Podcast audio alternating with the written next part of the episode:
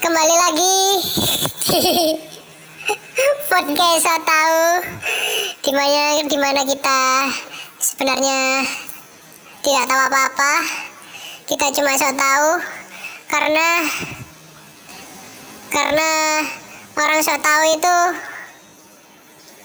si si balen balen balen Coba sih itu ya. Baca itu pemilisan.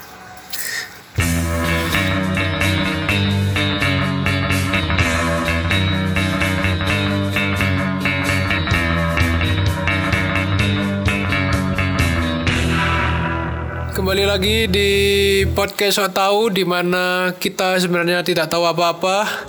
Kita cuma sok tahu karena yang membedakan seseorang di dunia ini adalah kesotawannya, bukan harta, wanita, Tahta. tahta kebalik ya, harta, tahta, wanita. Coba lihat dosen-dosen. Wah. Mereka kelihatannya kaya, berwibawa, padahal cuma sok tahu. Cuma pakai PPT. Iya. Cuma pakai PowerPoint. Dan itu masih tipu-tipu. Kali ini bersama Aruna, saya sendiri dan Robi, Robi, Robi. Ya, keserupan. dan Oh iya, Rian Fredian, Rian. Rian. Dan sekarang lagi in-innya itu ya apa? Di Kempot. Keliat perdangdutan. Oh, Jadi keempat itu dangdut kan ya? sebenarnya Ya, sekarang lagi in keliat sari enggak? sebenarnya campur sari nggak sih? Campur sari. sebenarnya. Campur sari.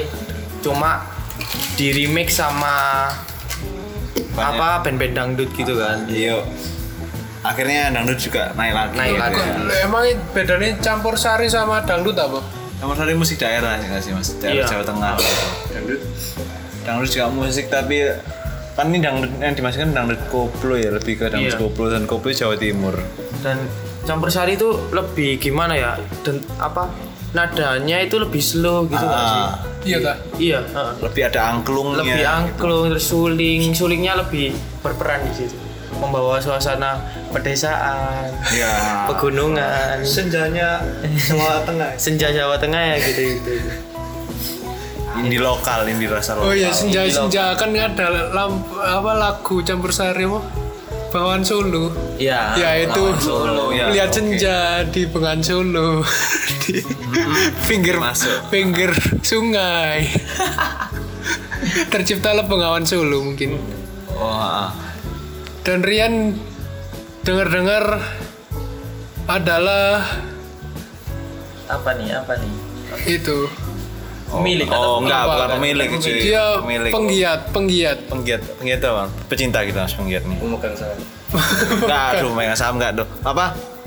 Apa ya, semacam pegawai, pegawai tapi agak agak karpe dewe gitu. Apa ya jadinya ya? kesuwen ini kesuwen jadi dia cucunya pemilik Bangsat. Iya. cucunya pemilik perdana record Perdana label record. rekaman dangdut yang terkenal di Jawa Timur lah oh, yes. Lumayan sih. Dulu dulu terkenal Oh, dulu. berapa sih? sekarang nggak seberapa Pas berapa? terkenal perusahaan di base base itu masih perdana Perdana record record Iya. Surabaya. Iya, iya. Dulu dulu terkenal. Yes. Wis udah seperti apa? Signature. Enggak apa Iya. Tekken itu apa? Ada kayak gini juga. enggak Enggak. Oh iya. Kalau di Tekken itu kan Heihachi kan kakek Mishima Corporation. Oh, iya. Itu perusahaan yang bikin turnamen Tekken. Lajin Kazama itu cucunya. Oh, ini beneran ini. Iya beneran. terus apa hubungannya sama Didi Kempot Iya Didi Kempot kan kenapa kok bisa in lagi? Twitter nggak sih? Kalau eh, mungkin nggak karena Twitter sama ngobamnya siapa tuh? Gofar. Gofar Hilman tuh tapi ya. Menurut Tapi kan Twitter dulu baru ngobam iya kan? Mungkin eh, sebelum Twitter tadi ya. Jadi kalau aku ngikuti sih di Twitter itu ada salah satu akun. Nah dia itu nyeritain tentang Didi Kempot ini siapa. Terus dia bilang dia the godfather of broken heart. Iya Gitu. karena lagu-lagunya itu Iya, ya. karena lagu-lagunya emang pak menceritakan tentang patah hati, perpisahan. Ditinggal rapi pamer bojo Karena memang pamer hype- kekayaan. Citro. Emang hype-hype-nya kayak musisi-musisi lama ini emang nggak apa ya, unpredictable ya nggak bisa diprediksi ya. Soalnya waktu 2017 tuh Didi Kempot nih main gitu ya ke kantor kita bikin album sama New Palapa dan Record gitu. Itu bener-bener nggak ada yang minta foto maksudnya Dwikit gitu yang minta foto. Ya emang terkenal gitu tapi kayak nggak ada yang se-hype sekarang sampai semua minta foto sampai dia dijuluki sampai kaosnya di mana-mana. The Godfather. The Godfather of Broken Heart ya, sampai sampai segitunya lah. Padahal dulu tuh kayak gimana ya is biasa gitu eh, sekedar musisi solo yang paling terkenal gitu tapi ya udah gitu Lah. musisi lokal Perusahaanmu bagaimana melihat fenomena kayak gini? ya namanya itu ya eh, perusahaan apa namanya? Eh, apa itu ya perusahaan? Juga nggak bisa memprediksi gitu nggak? Mm-mm, dan juga ya kalau penjualan juga ya penjualan nggak naik-naik banget soalnya fokusnya di VCD ya kali ya. Tapi ya namanya orang nyari duit di aji mumpung gitu. Jadi konten-konten lama kita yang sama Didi Kempot diupload semua di YouTube gitu dan emang ya lumayan berimpact berimpact gitu. Dulu yang nonton dikit sekarang lumayan gitu. Sip sip sip. Jadi Didi Kempot ini emang lagi hype-hype-nya kan ya? tapi Didi Kempot ini juga membawa bawa apa ya? Bagiku impact yang bagus lah. S- eh, Didi Kempot ini juga diangkat dengan permasalahan eh, apa itu royalti ya royalti musisi lokal musisi Pencipta Indonesia pencipta itu kurang dihargai gitu. Di situ juga akhirnya mulai dipandang lagi mulai diseriusin kalau ngover-ngover itu ada aturannya gitu. Sebenarnya naiknya Didi Kempot tuh nggak juga bawa impact di dangdut atau campur sari lokal aja tapi juga masalah royalti yang sebenarnya itu permasalahan mulai lama gitu orang nyiptain lagu yang pakai segitu banyak nggak tanggung jawab. Iya benar. Contohnya dulu yang eh, siapa itu Pak ya itu Payung Teduh Payung. Teduh. Jadi kalau aku lihat sih video-video yang di cover sama band-band dangdut ini lebih banyak ditonton daripada video original dari Mas Didi Kempot itu tadi. Yang kayak penyanyi-penyanyi yang cuma nyanyi, Iya nyanyiin gitu ya. lagunya. Dan si Didi Kempot juga nggak dapat royalti buat waktu itu. waktu ditanyai sama si Gofar tuh waktu di di ngo- di, Ngobam. di ngobamnya itu dia diwawancarai kan kalau ternyata itu di Spotify kalau kita dengerin lagu-lagu Didi Kempot Didi Kempot tuh nggak dapat Nggak tahu royalti juga. gitu Nggak dia tahu kan dia. ah, dia nggak tahu dan nggak dapat royalti Tiba-tiba gitu. ada di tiba-tiba ada di Spotify tanpa seizinnya dia men, Lah kan aku juga pernah lihat juga kan lagunya Didi Kempot dari Perdana kan juga di Spotify lah itu ya apa itu? Kok oh gitu? Iya iya Ah, juga. k- kalau itu ah, jadi itu waktu penandatanganan kontrak itu ditulisin. Kalau waktu ini bedanya ya kali ya. Ah, waktu kita jadi dia cipta lagu tuh itu di, di kontraknya ditulisin kalau kita beli lagu ini bisa diedarkan di Spotify, di YouTube atau kasarannya kita udah nggak bagi nggak bagi uang lagi tapi kita bayar di depan gitu lagu ini. oh Oh, Tapi ada izinnya gitu. oh iya iya. Di VCD. berarti kayak kayak udah bayar kita udah berhak buat nyebarin nyebarin distribusi di di mana-mana tapi tapi menurutnya Didi Kempot juga ada beberapa pihak yang nggak ngasih atau nggak nggak fair lah kemarin. Bahkan nggak izin kalau mau nge-cover lagunya itu. iya Ada sih kayak kalau gitu. ada di, di YouTube di YouTube namanya. Cuma ada beberapa mungkin bisa Beberapa dihitung label. lah. Tapi memang nek dangdut itu yang penting itu bukan penyanyinya nggak sih semua kan bisa itu Bisa menyanyikan. pokoknya kan apa nih enak iku apa Kendang. kendangi Ya kendang. ah. Kalau di situ apa namanya? pokoknya orkesnya enak kan juga bagus lah Kayak- jiwanya apa? Dangdut koplo emang kan di, di kendang ya. Ya, jadi ya penyanyinya itu ya ya? Nggak ya, seberapa impact. Tapi siapa pun bisa nyanyi kayak. Iya, tapi kalau penyanyinya terkenal dan punya suara bagus, kita dengernya juga lebih ya apa gitu. Wah, yang nyanyi Via Valen. ya kita udah nggak peduli siapa Ah, penciptai siapa penciptai pokoknya Iya. wah Via Valen. Misalnya lagu sayang yang kemarin Via Valen kan? Orang-orang yang di luar yang tahu siapa penciptai kan? Wah sayang lagunya Via Valen kan? Ternyata bukan. Eh, ternyata sayang ini punyanya eh lagunya Orang- rapper Cina. Eh. oh bukan bukan itu kan Iya. iya NDX AK gak sih iya Oh, iya, yang nyanyi ini tuh NDX cuma nada itu ngambil dari yang Korea itu tadi Oh yang Korea. yang Oh, permasalahan. gitu. ya. permasalahannya Oh. Padahal itu kayak banyak yang klaim tentang lagu itu. Waktu udah hype banyak yang klaim. Iya itu sih. masalah serius banget. Seharusnya seharusnya serius tapi banyak diremehin selama ini di di Dangdut enggak di musisi di musisi Indonesia. dunia. oh. Indonesia musik Indonesia. Sebenarnya aku juga nggak nggak apa ya nggak pro lah dalam perizinan gitu. Bukan pro ya, bahkan nggak ada pengalaman dalam perizinan perizinan. Tapi tentang naik atau apa ya kalau ngomong hoki hokinya artis ini bakal dia bakal hype dia bakal punya nama besar itu bener nggak bisa diprediksi gitu loh. Banyak banget artis cantik suaranya enak tapi ya nggak lama namanya di atas. Ada yang dia cuma bisa joget kayak siapa itu? Temon ya temon. Siapa? Temon. Temon holik. Dia bi- bisa joget dia nggak bisa nyanyi juga. Ya sorry sorry dia nggak ganteng banget gitu. Tapi dia juga punya nama gitu dia sempat terkenal dia punya dia bisa menginfluence orang gitu tapi banyak juga penyanyi yang cantik suaranya juga lumayan enak tapi dia juga nggak punya kapabilitas yang sampai kayak mereka yang di atas gitu. Tapi kan juga penikmat dangdut itu kan kayak apa ya? Ya emang mereka cuma pengen joget aja, nggak peduli. Ah, iya nggak iya sih? benar, ah. Jadi ya orang yang ibaratnya konsumen eh, emang sih kalau kalau dulu katanya vengeance ya, easy vengeance itu sebenarnya yang menentukan bersih tidaknya sebuah Apa ya? industri itu si konsumen itu sendiri gitu loh. Sedangkan konsumen para ya nggak sebenarnya konsumen dangdut aja sih tapi mayoritas konsumen dangdut itu pokoknya enak dengerin walaupun yang bikin konten ini beli hak cipta atau enggak ya dengerin aja terus gitu.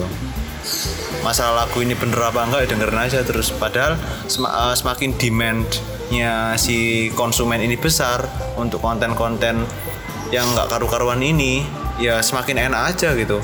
Sedangkan yang serius-serius membuat mulai hak cipta dia seri dia dia bagi royalti untuk musisi itu malah nggak dapat demand yang besar dia nggak dapat view dia nggak dapat apa ya perhatian dari konsumen akhirnya mati-mati sendiri gitu loh. Yang hidup malah yang kotor-kotor ini. Nggak kotor sih tapi nggak nggak nggak ad- kurang adil gitu. kurang kurang bersih lah kurang lebihnya ya Apa gara-gara pengen nggak pengen ribet gitu kan? Kalau banyak regulasi kan ribet gak sih? Iya, sebenarnya gitu. Jadi emang kalau ngelihat ngelihat apa ya kasarnya ya, ngelihat ngelihat apa yang ada itu kan kalau misalnya di luar negeri ini kita beli aja beli cipta lagu itu udah ada listnya gitu loh ada listnya jadi ibaratnya itu kita tinggal mencet-mencet kita butuh lagu ini buat disebarin di di platform mana mana mana sedangkan di Indonesia ini setahu nih setahu nih belum ada dan emang kita harus manual nelfon ke penciptanya. Ya itu pun kalau kita tahu penciptanya persis yang ini gitu. Kalau misal copyright di YouTube gitu dangdut ada nggak copyright gimana? Copyright kan biasanya kita nih buat video ya. Terus kita tuh nyelepin misalnya lagu original dari ini kita bawa ke video kita. Nah di situ kan ada copyright sih Iya, iya. di bawah. Ini lagunya siapa? Kan YouTube bisa kayak gitu sih. Apa di dangdut juga ada kayak gitunya gitu loh ini ini barangkali aku salah tapi kurang ngasih tahu aku nih. Jadi itu setiap lagu itu kayak punya nomor KTP-nya sendiri gitu selama dia didaftarkan ke apa ya organisasi yang bagian narik, ini royalti. Tapi masih kurang efektif gitu masih kurang efektifnya dalam karena banyak hal gitu. Yang aku tahu nih kan YouTube deteksinya kan suara. Ya mungkin ada yang suara juga suara. uh, kayak ada tekuk-tekuan nada iya. gelombang Frekuensi. gitu. itu nah tapi kembali lagi gitu banyak kan kayak dicepet-cepetin Iya. dilama-lamain atau dicempreng-cemprengin. Terus ada yang diubah semennya kan juga nggak Nah. anu kan ya. Di YouTube juga namanya YouTube juga sistem. Iya. dia juga nggak secara manual 100% mendetek lagu itu. Ya gimana gitu. Lah buat perusahaan kayak perusahaanmu itu PH apa itu kayak PH atau gimana itu? Kayak production house ya eh, bukan kayak orkes gitu nggak apa bukan, bukan cuma produser ya produser Oh. musik. Nah. lah itu ya apa Kak? kayak selama ini hidupnya itu ya pak Sama ini hidupnya eh, pendapatan terbesarnya dari VCD mas ya. Nah, ketika kita masuk ke era digital, kita itu jujur aja kalah, kalah saing sama eh, orang-orang yang asal comot lagu tanpa izin gitu loh. Comot gimana itu? Jadi dia nggak tahu penciptanya siapa, pokoknya direkam terus diupload di YouTube gitu, di cover. Oh, misal dari VCD terus di copy gitu. Apa gimana? Eh, misalnya ada lagu baru nih mas ya lagu ini bakal dapat view banyak nih kita produser yang mau mengedarkan ini secara legal kita harus izin beli lagu ini kita harus izin hak cipta eh, izin hak cipta izin lulus sensor dan lain tahapnya sangat banyak dan memakan biaya yang besar gitu sedangkan yang orang-orang yang nggak secara legal ini dia enak gitu oh lagu ini enak genjerang genjerang genjerang di direkam sendiri dia nggak beli hak cipta dia nggak ngelulus sensorin dia nggak nggak nyetak apa-apa Tinggal upload. tinggal diupload di YouTube viewnya banyak jebler sedangkan kita masih ngurus-ngurus ini loh kita udah ketinggalan edar sama yang ini gitu permasalahan terbesarnya sih banyak di situ Tapi apalagi kamu kan kan, juga bisa ngikutin kayak gitu nggak sih? Apa kalah cepet sama ada SOP-nya? Iya sih, uh, bener bukan SOP tapi kita kalah cepet. Kalah cepetnya uh, esensinya dan koplo kan kayak ngover-ngover nggak sih mas? Ya kan ya. Contohnya kemarin Lily ngetren di cover. Terus apa? Aku lu Senorita seniorita di cover. ya emang Cuma emang ya, jam- Valen yang ngecover Senorita emang Seniorita. esensinya dangdut koplo itu banyak-banyak ngover lagu gitu loh mas. di aransemen dangdut iya, pokoknya. aransemen. ulang heeh. Nah, ketika ngaransemen ulang kita baru ngerekam, mereka udah upload karena kita harus ngundang artisnya secara secara rapi, kita harus izin hak cipta, kita harus izin lulus sensor, kita harus uh, nyebarin kasetnya atau ya kalau misalnya VCD nyebarin kasetnya ke agen-agen dulu, agen nanti ke lapak itu sangat panjang. Sedangkan mereka cara pemasarannya enak, video, eh nyanyi, di videoin, diedit dikit, sambung-sambungin tau, upload di YouTube gitu. Kita bener kalah cepet karena mereka gak butuh izin-izin yang sangat ribet sih di situ. Pokoknya cepet-cepetan gitu ya. Ah, parah. tapi sebenarnya lagu dangdut yang misalnya populer nih kayak pamer bojo kan pamer bojo ini kan sebenarnya udah diciptain Didi Kempot udah lama dan hype-nya baru sekarang gitu kayak sebenarnya dangdut ini kalau nggak ada lagu yang di cover kayak Senorita, Lili dan itu dia ngambil dari yang Lama-lama. lama-lama gitu nggak sih ya Di recycle gitu. di recycle Kalau katanya siapa Saldi ya, Sal Priadi itu yang Amin paling serius tuh dia pernah tanya ini tentang apa bedanya musisi ibu kota sama musisi dalam apa musisi lokal yang di luar ibu kota gitu. Di ibu kota bikin karya bagus dikit dia dapat apa ya exposure ya dia dapat exposure yang tinggi gitu. Nah sedangkan di di di luar ibu kota karyanya bagus-bagus tapi naik dikit karena nggak ada yang menyorot karena media massa juga nggak nyorot aksesnya mungkin jauh juga nggak ny- nggak menyalakan media massa. Terus akhirnya dia redup-redup sendiri gitu. Banyak tel, apa talenta talenta dulu kayak siapa itu tegar tegar dulu hype-nya kurang apa gitu. Akhirnya dia mendelep mendelep sendiri gitu loh. Karena kurang dapat exposure kurang dapat sorotan dari media massa dan lain emang susah gitu kalau dilihat-lihat survive di luar ibu kota gitu di ibu kota maaf maaf di ibu kota tinggal kita joget-joget terus bikin drama buatan di TV padahal penonton yang ketawa juga bayaran mereka juga Uya-uya. aha aduh eh, namanya ya, ya. padahal Kau apa kau? Apa bebas Bebas. Nah, padahal mereka juga udah kelihatan mata banget kalau mereka semua itu uh, Settingan. settingan, tapi mereka tetap aja dapat exposure gitu. Dari situ dan karena exposure yang besar, mereka bisa naikin harga off air mereka. Sedangkan yang daerah, daerah-daerah bikin lagunya luama, bikin lagu susah-susah, publikasinya cuma lewat YouTube, VCD. VCD itu pun beberapa orang yang punya akses, yang aksesnya bebas YouTube sama so- sound apa, apa itu, SoundCloud, Ah. dulu SoundCloud. Sekarang pun juga mendelep benar-benar pertarungannya di YouTube dan di YouTube itu per hari ada jutaan konten yang terupload kita harus saingan sama konten-konten itu tanpa bantuan media massa yang nyorot itu bagiku benar-benar susah sih kayak survive jadi musisi lokal kayak Via Valen kan dia di ibu kota kan baru-baru ini aslinya dia pendangdut lama nggak sih ya dia? lama pol Lama Pol. lama pol benar-benar lama Via Valen lama Itu dia naik gara-gara apa? Via? Sayang. Oh, sayang. Sayang. Sayang. Kenapa sayang itu? Ya kayak gimana ya? Viral lah viral. ibaratnya lah. viral. Kayak s- susah yang itu beda gak sih? Karena susah. Beda. Beda beda. Beda beda. Beda jadi ya itu sih. Perasaan aku kayak udah kenal Via Valen itu dari lama cuma dia baru hype di Jakarta kan baru-baru ini kayak Tasya juga kan. Tasya itu dari kecil itu malah ya. Ya Valen tapi gara-gara selain ya jeleknya dangdut masih belum ada apa regulasi kan tapi kayak dangdut dulu kan brandingnya jelek kayak seksi-seksi tapi kan sekarang jadi bagus gak sih? Ah, kayak itu harus shout out to Mbak Via Valen lah ya. Mbak Via Valen kan ketika dia naik dia benar-benar bawa uh, kalau dangdut ini nggak harus pakaiannya ketat. Coba kita lihat Mbak Via Valen pa- pakaiannya juga banyak-banyak tertutup. Dia juga goyangnya juga nggak nggak aneh-aneh gitu. penyanyi biasa lah. Ah, jadi di situ Mbak Via Valen sebenarnya bawa pamor bagus lah untuk dangdut gitu. Kalau sebenarnya dangdut ini nggak harus sekotor itu gitu. Nggak harus cuman sorry sorry banget buat ngacang-ngacangan aja Wah. gitu kan banyak banyak nih kayak banyak nih kayak uh, penyanyi dangdut tuh uh, sorry sorry nih bisa disewa dan lain dan dulu battlenya battle goyangan Ah, goyang cuman semakin goyangnya parah. Gergaji, Ah. goyang semakin goyang. goyang goyang triple. Eh itu goyang. Ah, goyang dribble semakin goyangnya parah dia semakin dapat exposure yang besar. sebenarnya juga enggak gitu pertarungan pertarungan fairnya masih ada gitu. Kita kita coba via Valen terus siapa lagi? Oke Jian Audi terus banyak lagi gitu. Terus Dia apa juga itu? harus kemarin goyangan apa itu rivalnya Via Valen itu Nela Karisma. Nela. Nela Karisma. Nela Karisma juga masih goyang tapi ya nggak parah lah kayak dulu gitu. Timbang yang sorry sorry dulu dulunya.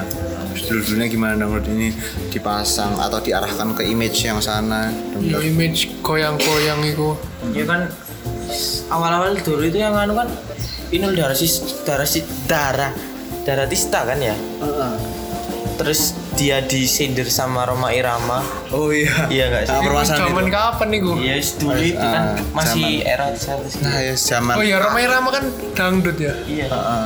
itu dangdut yang sangat old iya kla- klasik iya vintage. sama kayak Elvi Sukaisi tau gak sih Oh, Iya Elvi Sukaisi siapa lagi ya? tapi nek Roma Irama itu kan kayak dangdutnya ke gitar gitu kan kayak iya bukan koplo Eh Jadi ini manusia tenenet net net net itu kan. ya, ya. ya kayak jadi kayak dangdut kan ada dua ya nih kayak dangdut sama dangdut koplo koplo yang gendangnya makin gitu-gitu Iya. Ah, gendang ah, ah. gendang gila Hmm, goblok. Heeh. Itu iya gara-gara itu kan. Ah, Pak Irama kan kayak nganu Terus kayak- Inul Jupe, DP, goyang Ah, parah sih. Waduh, parah. goyang gergaji, goyang patah-patah, battle. Beda gitu. brandingnya dulu masih iya masih kayak gitu. ya kayak perfilman kan dulu juga iya harus seksi-seksi film horornya. horor, ya. Horor Kalau sekarang kan horor sange sekarang sekarang lumayan juga kualitas juga harus Iya. diperhitungkan film horor gitu. Ah, bener-bener. Gak harus ada naganya. sinetron banget Elvi Sukaisi itu kan ya satu angkatan sama Roma Irama gak sih? Kurang tahu tapi ya cuman old lah. Cuman old ya. Nah, sing- sama old. ngikutin waktu itu. Lah kan si kan sobat sih Didi Kempot kan juga sebenarnya lama kan. Apa po? Iya. Cuma kan dia lebih ke campur sari waktu itu. Campur sari. Umur sari mana? Heeh. Tadi yang Elvi Sukaisi, Roma Irama dan kawan-kawan itu dangdut. Heeh. Terus. Ah, ah. Dangdut kan kayak sekarang hype-nya itu kayak musik-musik indie dulu pas ya apa ya? Bed, sama gak sih kayak indie pas awal-awal gitu Kalau kayak pers- perspektifku nih ya nggak tahu ya benerin kalau salah. Perspektifku nih anak indie itu juga masukin kayak campur sari atau dangdut-dangdut yang rapi atau enggak yang dangdut yang kotor-kotor ini dimasukin termasuk ranahnya mereka gitu. Sebenarnya mereka juga banyak loh kayak anak-anak indie yang senja juga suka ngidolain Didi Kempot dan kan. lah ya karena anak indie kan galau-galau lagu iya. Didi Kempot kan sad boy sad Iya. Nah, di situ di situ Iya. akhirnya kayak masuk. mereka gitu. kayak relate gitu kayak sama lagunya ya itu yang kayaknya bikin hype hype Didi Kempot. langsung naik. Uh, uh, kayak kan sebenarnya lagu Didi Kempot kan dulu nggak se hype gini jadi kayak udah banyak lagunya yang set set dikumpulin jadi satu jadinya nyiptain ke apa ya? Bola keset boyan. Tapi emang kalau kita lihat ya kayak lagu-lagu legenda atau yang termasuk di memori kita waktu kecil nih anak-anak anak-anak 90 anak 2000-an tuh tentang lagu-lagu sedih semua nggak sih? Karena emang lagu sedih ini gampang untuk diingat jangka lama dan juga hampir di di eh, lagu-lagu itu kan nyerang kayak oh kita ngerasain nih kita pernah ada di masa itu gitu loh. Kita pernah ada di masa itu jadi lebih lebih relate aja gitu kalau Ya, jadi sedih tapi baru kerasa tuh kayak sekarang tuh kayak, kayak dulu kan kayak dulu penikmatnya orang-orang tua. Iya. Kayak sekarang kayak keren ngono. Dengerin musik. Nggak malu lah denger Iya. denger ini kan Kayak, oh ya emang keren sih gitu. Dan aku baru tahu loh kayak lagu-lagu yang waktu kecil kita nyanyiin kayak Tanjung Perak tepi laut itu ternyata lagunya ciptanya Didi Kempot. Wah, ya dinyanyiin. tahu aku malah nggak nggak tahu. nggak tahu ciptaannya tapi dinyanyiin sama Didi Kempot. Sama Getuk Asali Sokotelo Ah. nah ya itu juga ada di lagunya Didi Kempot. Tapi kayak itu oh, nggak tahu sih kayak Mungkin ya kayak dinyanyiin lagi lah tapi udah lama gitu. Ah. Heeh. ya kayak aku dulu ya dengerinnya ya stasiun balapan. Saya balapan nih ya Mbak Dukun. Ngerti gak alam itu? Alam alam nggak yang mana tuh? Yang iya alam. Ada Mbah Dukun oh alam itu ah ya alam ya aku yang padahal ya ngerti iku kayak sedang ngobati pasiennya. Ya stasiun balapan maksudnya ya kayak apa sih lagu ini ya keren tapi penikmatnya nggak kelihatan gitu loh. Kayak aku ngikutin dari SMA nih. Kebetulan ibu kan suka dangdut kayak Elvi Sukaisi. Terus kebetulan waktu itu beli kasetnya jadi Kempot. Terus akhirnya ibuku tiap pagi nyetel, aku juga tahu gitu. ya cuma sekedar tahu kan Ah, kayak nggak menikmati senikmat kayak ya apa ya kayak iya. Tapi Kayak- aku menikmati sih kayak Sewu Kuto itu. apa Kuto. cuma bias toh ini bertanya berapa lama toh apa Iya banyak banyak lagu-lagu gini kan kayak Iya karena itu dia exposure-nya emang dari zaman dari sosial media ke sosial media gitu loh. Sedangkan media massa yang besar yang bersistem nggak terlalu ngasih exposure ke sini loh. Jadi banyak banyak cuma dari Twitter ke Twitter, cuma dari guyonan ke guyonan. tapi apa nggak tahu ya kayak kayak ada orang kayak kalian bayangin nggak sih ada orang di Bali ini wis baca kayak gini akhirnya Didi Kempot ini dia apa ya diproyeksiin Buat buat, iya iya nggak sih kayak aku konspirasi. aku sampai mikir gitu loh sampai oh iya, kayak misal kayak apa ya PH yang bikin kayak konser synchronize WTF gitu. Kayak dia itu apa ya enaknya apa tahun depan enaknya apa gitu. Kayak selalu nyari-nyari yang baru gitu. Kayak kayak kemarin di ngobam akhirnya Didi Kempot diundang sinkronis apa sinkronnya itu? Iya. Gak sih? Tapi sinkronis dari, dari tahun sebelumnya juga ngundang Roma Irama mas. lu tapi Iya. kan kayak apa ya?